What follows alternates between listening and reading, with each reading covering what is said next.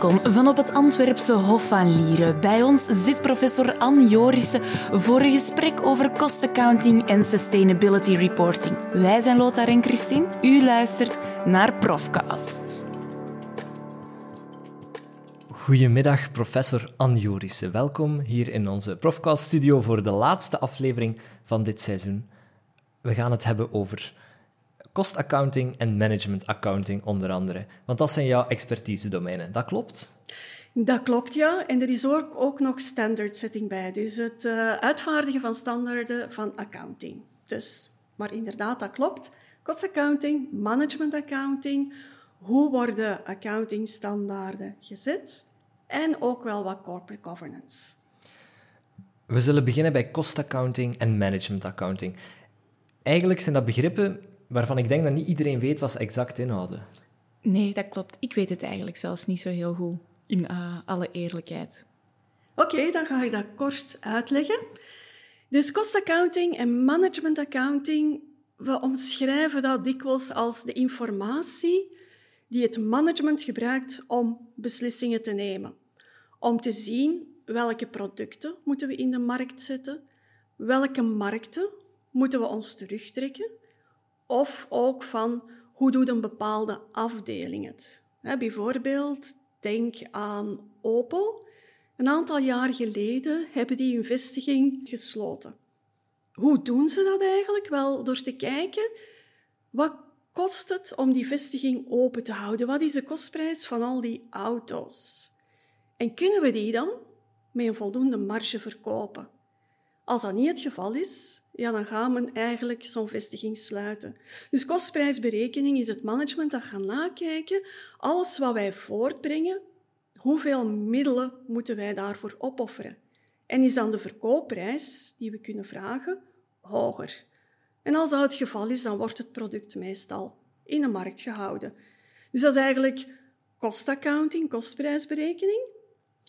Management accounting is eigenlijk wat breder en daar gaan we kijken hoe doet een afdeling het, maar ook hoe doen werknemers het. Dus men gaat informatie verzamelen over de productiviteit van een werknemer. Bijvoorbeeld een sales manager, hoeveel heeft hij verkocht? Hoeveel gesprekken heeft hij ervoor moeten voeren?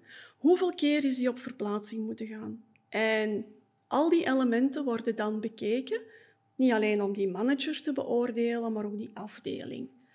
Dus eigenlijk, dat is een beetje heel kort, wat is cost en management accounting? Dus cost en management accounting is de informatie die eigenlijk intern dient om uw bedrijf aan te sturen. Dus wat dat betreft is dat eigenlijk heel belangrijke informatie. Want heel veel studenten zijn vertrouwd met boekhouden, financial accounting.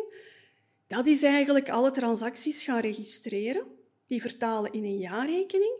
Maar die jaarrekening is vooral op dat externe, buitenstaanders, dus leveranciers, bankiers, aandeelhouders, zouden weten hoe het bedrijf het doet. Maar om dat bedrijf aan te sturen heb je eigenlijk kost- en management accounting nodig. Dus je brengt bij kostaccounting eigenlijk de kosten in kaart die je hebt voor een dienst of een product. Dat klopt. Maar dat is toch niet zo moeilijk, denk ik dan? Als je productieproces heel eenvoudig is, is dat misschien inderdaad niet zo moeilijk, maar wat we tegenwoordig hebben, is productieprocessen waarbij heel veel producten op dezelfde productielijn worden gemaakt, waar heel veel kosten niet echt rechtstreeks aan een product kunnen worden toegewezen. Bijvoorbeeld, ik heb het over schoenen. Dus als we naar een schoen kijken, dan denken we, oh, dat is gemakkelijk. Je neemt de kost van, stel dat het een lederen schoen is, van, die, van dat leder, van de veter en van die schoen in een doos te verpakken. Misschien bepaalde dingen die erop gestikt worden.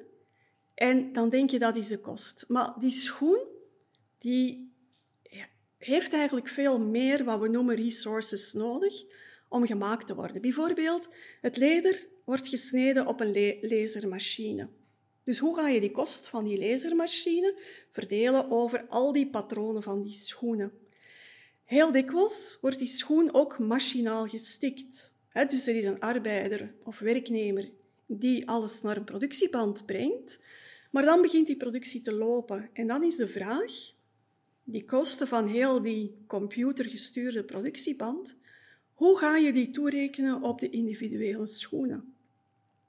En dat is niet zo eenvoudig, want dan moet je een verdeelsleutel kiezen en dat is altijd voor een stukje arbitrair. En, en daar, daar begint het meestal verkeerd te lopen. Dus als je een verkeerde verdeelsleutel neemt, wat dat kan, dan kan het zijn dat je sommige producten als te duur beschouwt of te veel kosten en dat je aan andere producten bepaalde kosten niet toerekent. Met als gevolg dat je geen juist beeld hebt over de winstgevendheid van je producten en soms verlieslatende producten in je gamma houdt en pusht op de markt en het verlies voor het bedrijf nog verhoogt. En eigenlijk winstgevende producten, maar dat je niet doorhebt omdat je informatie verkeerd is, uit de markt haalt. En dus zo opportuniteiten mist. Kan je zo eens een voorbeeld geven van een verdeelsleutel? Ja. Bij die schoenen bijvoorbeeld. Bij die schoenen. Oké. Ehm, dus we zien die, ja, dat productieproces voor ons, dus die computergestuurde machine. Um, we zouden kunnen zeggen, in het begin van de dag worden daar kinderschoenen opgemaakt, op het einde van de dag schoenen voor mannen. En we gaan die kosten van die machine verdelen over het aantal schoenen dat gemaakt wordt. Dat betekent dat een kinderschoen eenzelfde bedrag aan kosten gaat dragen dan een mannenschoen. Maar het zou best kunnen dat die mannenschoen veel langer op die productielijn ligt. En dat we daardoor te veel kosten aan die kinderschoen toewijzen en te weinig aan die mannenschoen. Dus een betere verdeelsleutel zou dan zijn de tijd dat die kinderschoenen op de productielijn liggen en de tijd dat die mannenschoenen op de productielijn liggen. En dan ga je dus de juiste kosten of een beter beeld krijgen van de middelen die die mannenschoenen en die kinderschoenen consumeren. Dus bij financiële accounting, dat resulteert in jaarrekeningen. Management accounting en kostaccounting, resulteert dat ook in een soort van vaste representatie? Wel, jaarrekeningen, dat is eigenlijk heel enorm vastgelegd. Hè. Je hebt de Belgische wetgeving die je moet volgen voor niet ter beurs genoteerde ondernemingen. Dat is zo'n vast schema van alles wat je moet rapporteren. Dat is bij management accounting totaal niet het geval. Dus als een topmanagement zegt van ik wil die kosten zo toegewezen, ik wil de omzet van die producten, dan wordt dat zo geleverd. Dus eigenlijk elk rapport is op maat, op maat om de juiste informatie te nemen. Dus als we een cursus kostprijsberekening geven of management accounting, hebben we het eigenlijk nooit over Belgische wetgeving, International Financial Reporting Standards of die wetgeving. Dus dat is eigenlijk echt volledig vrij. En wat we ook zien is wereldwijd die begrippen van hoe bereken je nu op zinvolle wijze een kostprijs, wordt eigenlijk overal in de wereld op dezelfde wijze toegepast. Dus die inzichten die zijn eigenlijk wereldwijd. Krijg je een cursus management accounting in België, dan is die normaal gezien hetzelfde als een cursus management accounting in de Verenigde Staten, in Australië, in Brazilië, in Zuid-Afrika. Daar is eigenlijk geen verschil.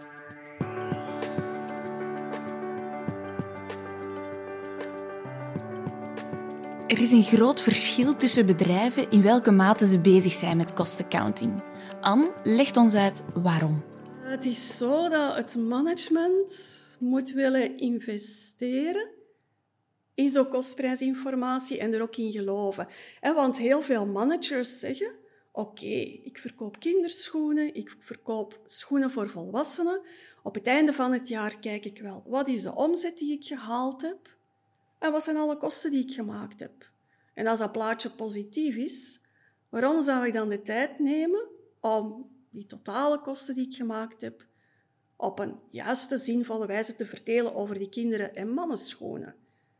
Dus als dat geloof er niet in zit bij het management om echt een genuanceerd beeld te krijgen van waar zijn nu mijn middelen naartoe gegaan, ja, dan gaan ze dat ook niet doen. En zijn die bedrijven, als dan die totale winstmarge begint te dalen, die dikwijls het eerst in moeilijkheden komen, omdat ze gewoon niet weten waar zitten de producten die winst maken en waar zitten de producten die verlies maken. Dus de termijn om te reageren op dalende omzet, uh, verkoopprijzen die ook dalen, omwille dat er concurrenten op de markt komen, dus die tijd is gewoon langer. En in die zin ja, sta je dan een beetje achteruit, ten opzichte van je concurrenten natuurlijk in mijn hoofd, maar uh, verbeter mij als dat fout is, kan ik mij voorstellen dat grote bedrijven daar wel in zullen investeren, maar dat eerder kleinere bedrijven zoiets achterwege zullen, zullen laten. Dat klopt. Dus grote bedrijven die hebben meestal wel een degelijk uitgewerkt kostprijsberekeningssysteem. Een klein bedrijf gaat er vooral in investeren als die moeilijkheden komen. Dus zolang dat, dat goed gaat, hè, zolang dat die totale omzet, die totale verkopen groter zijn die dat, dan die totale kosten, is dat geen enkel probleem. Dan uh, kabbelen die voort, bij wijze van spreken. Komt daar ineens een concurrent op de markt met nieuwe schoenen en zien ze hun verkoop achteruit dalen, achteruit lopen, wel, dan gaan ze kijken van oei, wat kosten nu eigenlijk die kinderschoenen? Wat kosten nu die mannenschoenen en hoe kunnen we reageren? Dus heel dikwijls in de middelgrote en kleinere bedrijven wordt het systeem van kostprijsberekening pas ingevoerd als het echt slecht gaat, als ze verlies beginnen maken. Maar dan, als ze betere inzichten hebben uiteraard, zijn ze meer in staat om ja, opnieuw in de markt te komen en toch wat we noemen zo'n turnaround te kunnen doen. Um, en u doet ook onderzoek naar corporate governance. Ja. Hangt dat daarmee samen of is dat een geheel ander onderzoeksdomein? Um, je zou kunnen zeggen, nu hebben we het vooral over kostprijsberekening gehad, hè, van wat kost een product. Nu, management accounting gaat al die informatie samenbrengen en kijken naar winstgevendheid van productielijnen, van afdelingen. En als je kijkt naar corporate governance, dus de raad van bestuur van een onderneming, dus bij een naamloze vennootschap, bepaalde type van onderneming, heb je een raad van bestuur dan is het eigenlijk belangrijk dat die raad van bestuur echt heel goede informatie krijgt om het management te beoordelen. Hè? Want wat is de bedoeling van een raad van bestuur?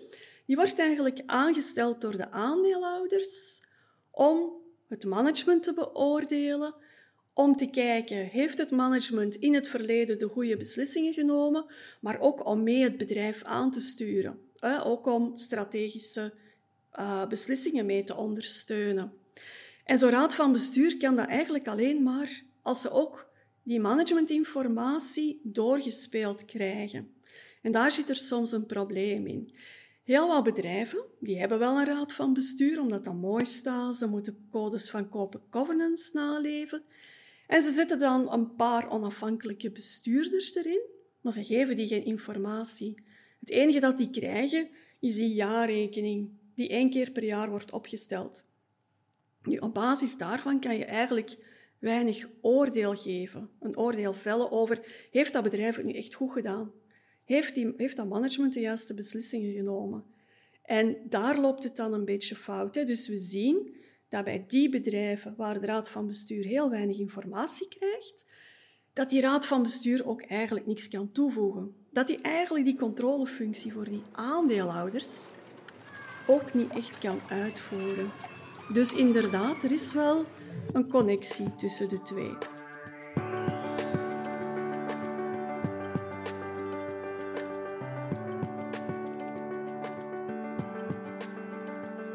U bent ook bezig met duurzaamheid in accounting. Klopt. Bij duurzaamheid denk, denk ik altijd aan windmolens en plastic soep en, en, dat soort dingen. Okay. Niet per se aan boekhouden. Wel, op het moment is dat eigenlijk een superbelangrijk thema. Dat is eigenlijk het overheersende thema op dit moment en ik denk de komende vier, vijf jaar. Dus waarom is dat zo belangrijk? Wel, investeerders, de dag van vandaag, die zeggen, als ik aandelen koop, dan wil ik dat dat bedrijf sustainable is. Dat dat zich gedraagt als een goede burger. Nu, hoe kan je weten of een bedrijf zich echt gedraagt als een goede burger? Wel, dan kan je kijken naar het jaarverslag. En in een jaarverslag kan een bedrijf zeggen, wel, kijk, wij hebben de, uh, ja, we noemen dat green, ga green gas house emissions, Alles is in het Engels, dus uh, CO2-emissies, geloof ik dat dat is in het Nederlands. Of broeikasgassen of zo, denk ik. Of ja, emissie van broeikasgassen. We hebben die gereduceerd met zoveel procent. Uh, we hebben geïnvesteerd in een waterzuiveringsinstallatie. Daardoor is onze lozing van schadelijke stoffen met zoveel verminderd. Dus je kan terecht in dat jaarverslag uh, om te zien van hoe sustainable is een bedrijf. Nu, wat is op het moment het probleem? Wat we moeten rapporteren over sustainable behavior, dus maatschappelijk verantwoord gedrag, is niet in standaarden vastgelegd. Die zijn goedgekeurd door uh, organisaties die ook bevoegdheid hebben om standaarden op te leggen. Op verschillende plaatsen zijn wel vrijwillig standaarden ontwikkeld die je zou kunnen volgen. Bijvoorbeeld GRI-standaarden, Global Reporting Initiative, je hebt ook standaarden van het Integrated Reporting Council, maar dat is allemaal vrijwillig. En wat doen bedrijven nu, ter beursgenoteerde bedrijven? Die zijn een beetje aan cherrypicken. Die standaard bij die vrijwillige organisatie komt ons goed uit, dus we rapporteren de broeikasgassen, de emissies daarvan via die standaard. Waterzuivering komt niet zo goed uit, dus we pakken een andere set. Een punt ook nog is dat die rapportering van sustainable behavior op dit moment ook niet geaudit wordt. Er is geen externe controle op het feit, die, jaren, die informatie die bedrijven vrijgeven, klopt dat wel? De financiële informatie, daar heb je een controle op, een externe controle door een revisor. Die sustainability informatie, geen controle. Dus daarom zegt eigenlijk op dit moment IOSCO, dus de organisatie van beurstoezichthouders, maar ook heel grote, hoe zal ik zeggen, investeringsmanagers zoals BlackRock, Northern Rock, die heel veel gelden samenbrengen en investeren in bedrijven. Wij willen een beter zicht op sustainable behavior. U bent ook auteur van een bestseller. Uw boek rond uh, financial reporting wordt internationaal door honderden universiteiten gebruikt. Ja, dat klopt. Ik was ook verwonderd van dat te zien. Dus ik wist wel dat dat boek uh, het grootste marktaandeel had in het Verenigd Koninkrijk en in Scandinavië. Nu dat het er buiten ook veel gebruikt werd in die mate, heeft de uitgeverij ons nooit gezegd eigenlijk. Dus uh, in die zin was dat wel heel leuke informatie. Ja, misschien moeten we een beetje meer toelichting geven. Dus een paar weken geleden heeft de Financial Times een ranking opgesteld van welke boeken er in universiteiten gebruikt worden bij het doseren van cursussen internationaal. En het boek dat de eh, Anne Jorissen samen met enkele collega's van hier geschreven heeft, wordt internationaal enorm veel gebruikt, waardoor onze faculteit ook heel hoog scoort in de ranking van universiteiten die goede boeken uitbrengen die als cursusmateriaal in andere universiteiten gebruikt worden. Nu, het boek is geschreven met collega's van buiten. Dus uh, het is niet met collega's van hier geschreven, maar met David Alexander van de UK, Karin van Moernik ook van de UK, uh, eh, Martin Hogendoren van Nederland. En we gaan nu het auteursteam uitbreiden met iemand van Oostenrijk. Dus, uh, dus het auteursteam is echt wel heel internationaal. Dus en dat is echt wel heel boeiend. En als ik even terug mag komen naar die sustainability reporting. Dus we zijn nu bezig met de herwerking van inderdaad dat internationaal handboek. En we gaan een volledig deel van dat internationaal handboek wijden aan sustainability reporting.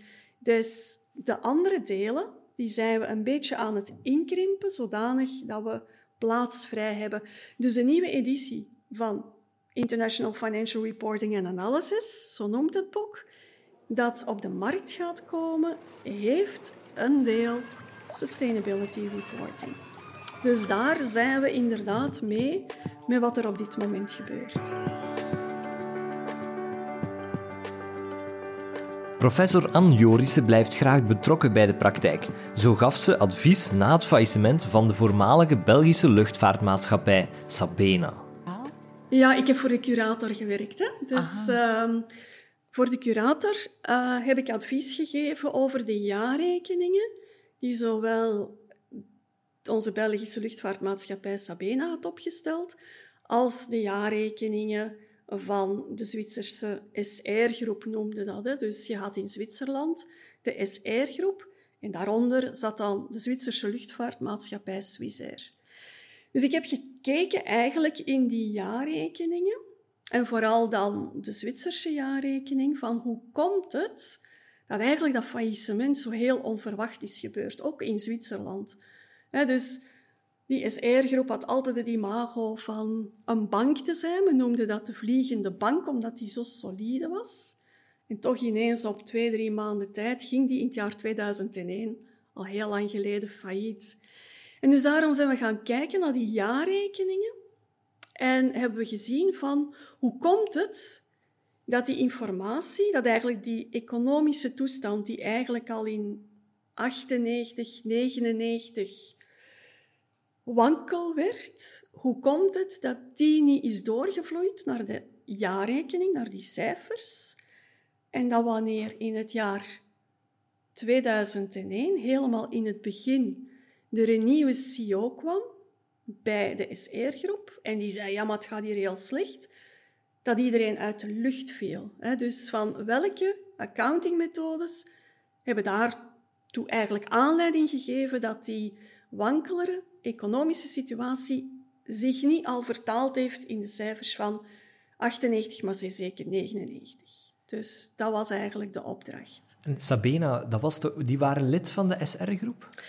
Ja, dus er was, de Belgische regering had 49% van de aandelen verkocht aan de Zwitserse SR-groep. Maar je hebt dan op dat moment, dat was in 1996, werd er nog gerapporteerd de Zwitsers via IFRS en de Belgen via Belgian Gap.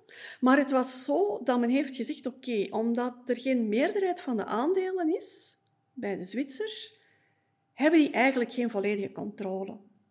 En daar begon al de eerste tweak in de verslaggeving. Want eigenlijk had het Zwitserse management wel volledige controle over die Belgische luchtvaartmaatschappij. Uh, een heel deel van het management was Zwitsers. Er waren contracten dat het Zwitserse uh, Swissair Logistics, geloof ik, Swissair Cargo, wat we noemden de belly, dus de buik van de vliegtuigen van Sabena, kon gebruiken om haar eigen cargo te vervoeren. Dus dat betekent opbrengsten gingen naar Swiss Cargo en die kwamen niet in België terecht. Dus er waren allerlei mechanismen dat je eigenlijk kon zeggen, wel kijk, de facto heeft die Zwitserse maatschappij wel controle. Nu, dat systeem hebben ze dan herhaald in Zwitserland met investeringen in Italiaanse luchtvaartmaatschappijen, Franse luchtvaartmaatschappijen. Men heeft die in de Zwitserse jaarrekening opgenomen als ja, hebbende, of dat Zwitserland gewoon een invloed van belang had, maar niet controleerde. Stel dat men al die luchtvaartmaatschappijen had opgenomen, zoals wij noemen, via volledige consolidatie, dus als tot uitdrukking was gekomen dat de Zwitserse groep die ook volledig controleerde, dan waren die cijfers in 99 al slechter geweest en had de kapitaalmarkt en investeerders niet zo uit de lucht gevallen. Het is in de luchtvaartsector nooit goed als er mensen uit de lucht vallen. Dit was Profcast met Anne Jorissen. Bedankt voor het luisteren. Wil je meer horen? Surf dan zeker naar uantwerpen.be schuine streep Profcast.